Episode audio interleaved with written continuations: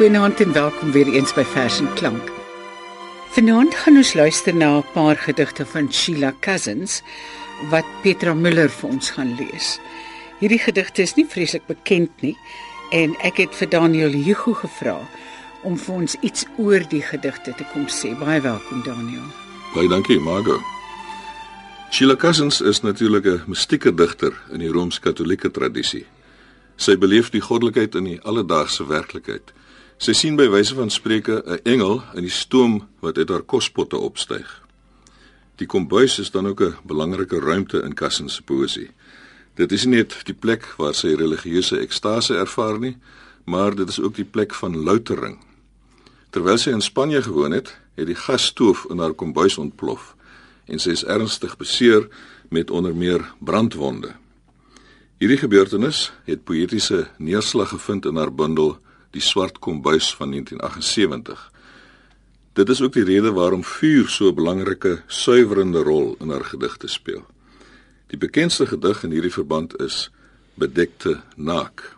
Lees dit vir ons asseblief. Bedekte naak. 'n Gloed dra ek tussen die wêreld en my bloed.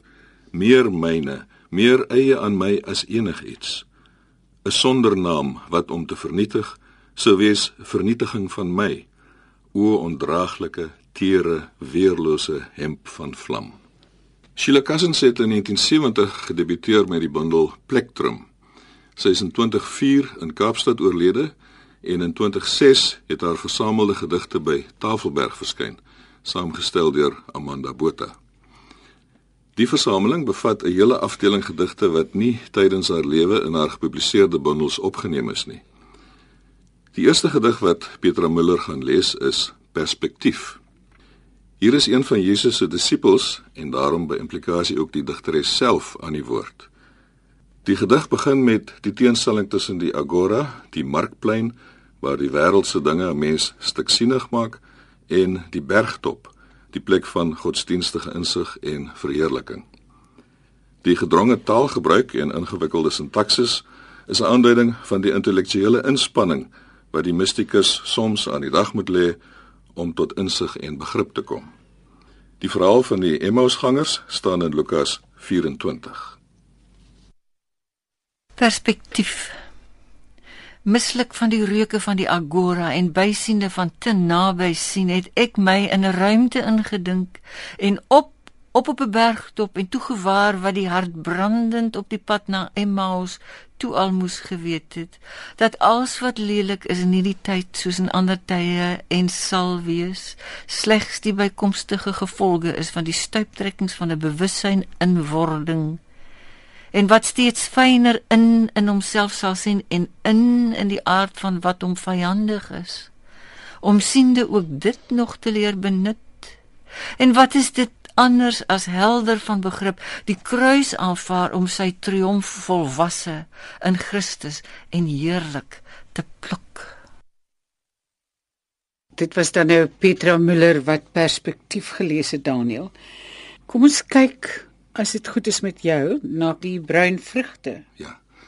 In die bruin vrugte is 'n balling in die noordernag aan die woord. Dit is nie bekend of Sheila Cousins hierdie vers geskryf het gedurende haar studieverblyf in Amsterdam of later in Barcelona waar sy met 'n Spanjaard getroud is en twee seuns grootgemaak het nie. Hierdie balling se siening van 'n ongerepte, landelike en vredevolle Afrika is nogal romanties en in 2012 beslis gedateer. Die spreker in die vers beleef self 'n oomblik van skepsis oor haar siening en vra dan tereg: "Nou nog?" Dit is interessant dat die Europese beeld van 'n idilliese Afrika gekoppel is aan die kerstenende aktiwiteit van die sendingstasie. Die vraag na die naam van die vrug wat die herinnering aan Afrika by die spreker wakker gemaak het, is klaarblyklik net 'n stukkie retoriek of 'n poëtiese truc. Die verwysings na die romerige vlees van die vrug en die botterlug van die laatmiddag verraai dat sy goed weet wat die naam is, naamlik botterklapper. Die bruin vrugte. Wat was die naam van daardie bruin vrugte met die romerige vlees wat ons in die laafveld geëet het? So, die son sal so wees, koperbruin en laag in die botterlig wanneer hulle kom, so sagte bruin skaduwees deur die geel gras. Erns is daar 'n sendingstasie tussen hulle waarvandaan en hulle waarna toe. En as dit donker skemer is, sal hulle soos klokkies groet en hulle donker skemer gesigte mieliemelk skywe glimlag. Nou nog en in 'n aand so soet gekneusde gras en iets van eers water en groot geel waterlelies sal die donker lewe van murmelinge en vure en beeste sag en dringend bulk kyk ballinghart in hierdie noorde nag hoe glim die wit huid ook in hierdie donker donker? Wat was nou weer die naam van daardie vrugte wat ons in die laafveld geëet het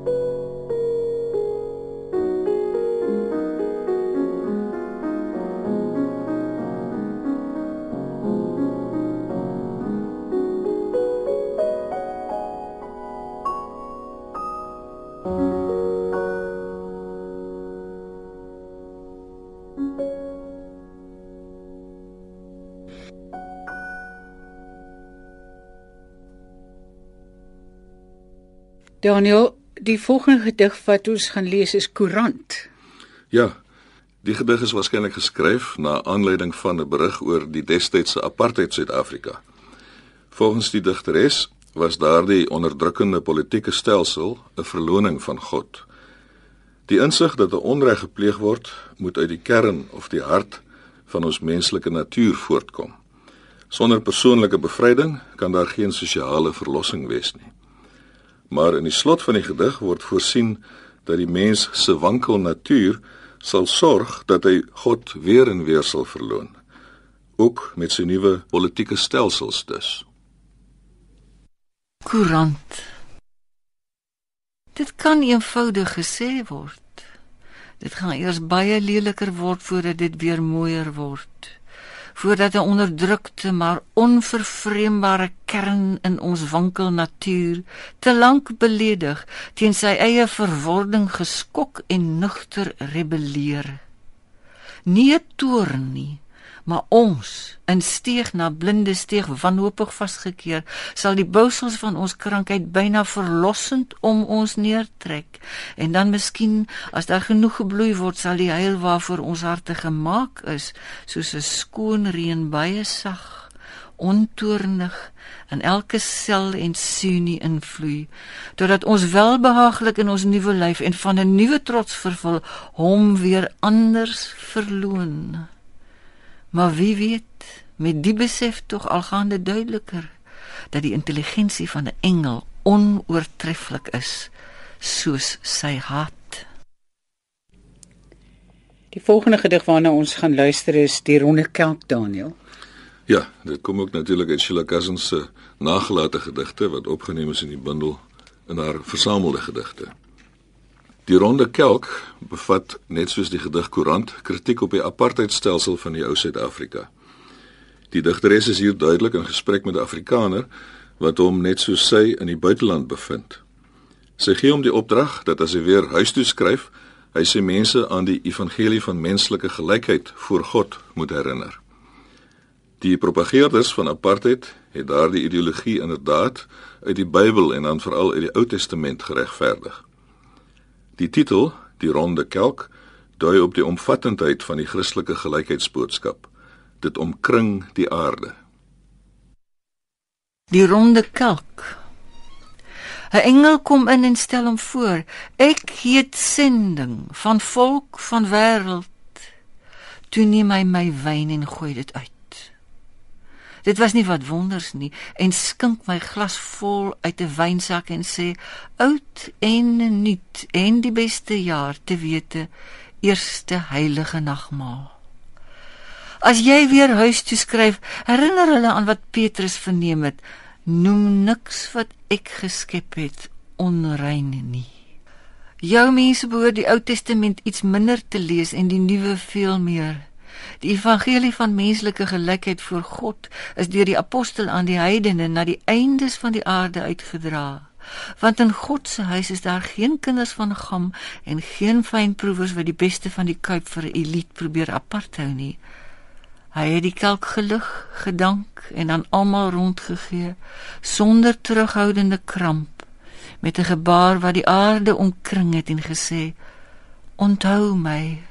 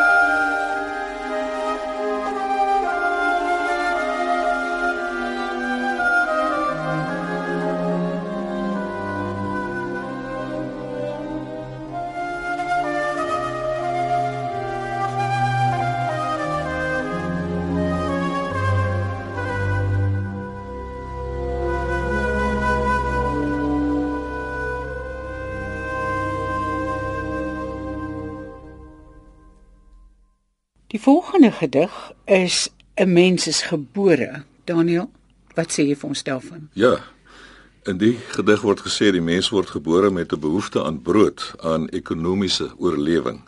En daar duik dan twee name op, Matt Talbot en Karl Marx. Albei is of was figure wat deur die werkersklas vereer en aangehang is. Karl Marx is natuurlik die vader van die kommunisme. Matt Talbot was 'n Ierse askeet wat van 1856 tot 1925 geleef het. Hy was 'n arbeider wat net soos die res van sy familie alkoholiste was. Hy het as 'n jong man tot bekering gekom en die res van sy lewe sober geleef en sy liggaam gekastei. Hoewel hy nie deur die Rooms-Katolieke Kerk tot 'n heilige verklaar is nie, word hy tog as die beskermheilige van die alkoholiste beskou. In die slot van die gedig word gesê dat die mens nie net daaglikse brood nodig het nie, maar ook geestelike lewende brood.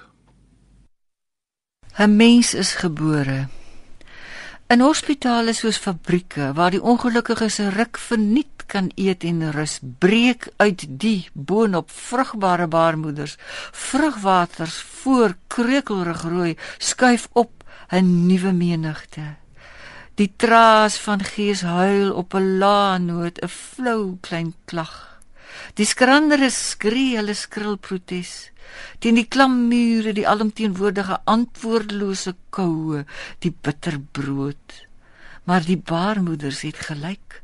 Daar was luisterende baarmoeders by die bergrede baar onversetlik en onpartydig Mat Talbot en Karl Marx doop en verlos met water en bloed die onkeerbare poging wat beur na sy geboortereg van lewende brood Ons gaan afsluit met Sheila Cousins se twee variasies, maar ons gaan net die eerste een lees. Ehm um, en Petra Miller gaan dit vir ons lees, maar jy gaan eers vir ons 'n bietjie lig daarop gooi, Daniel. Ek sal my bes doen. Die mystikus, soos wat Sheila Cousins was, maak dikwels gebruik van paradokse om dit te beskryf wat wesenlik onbeskryfbaar is.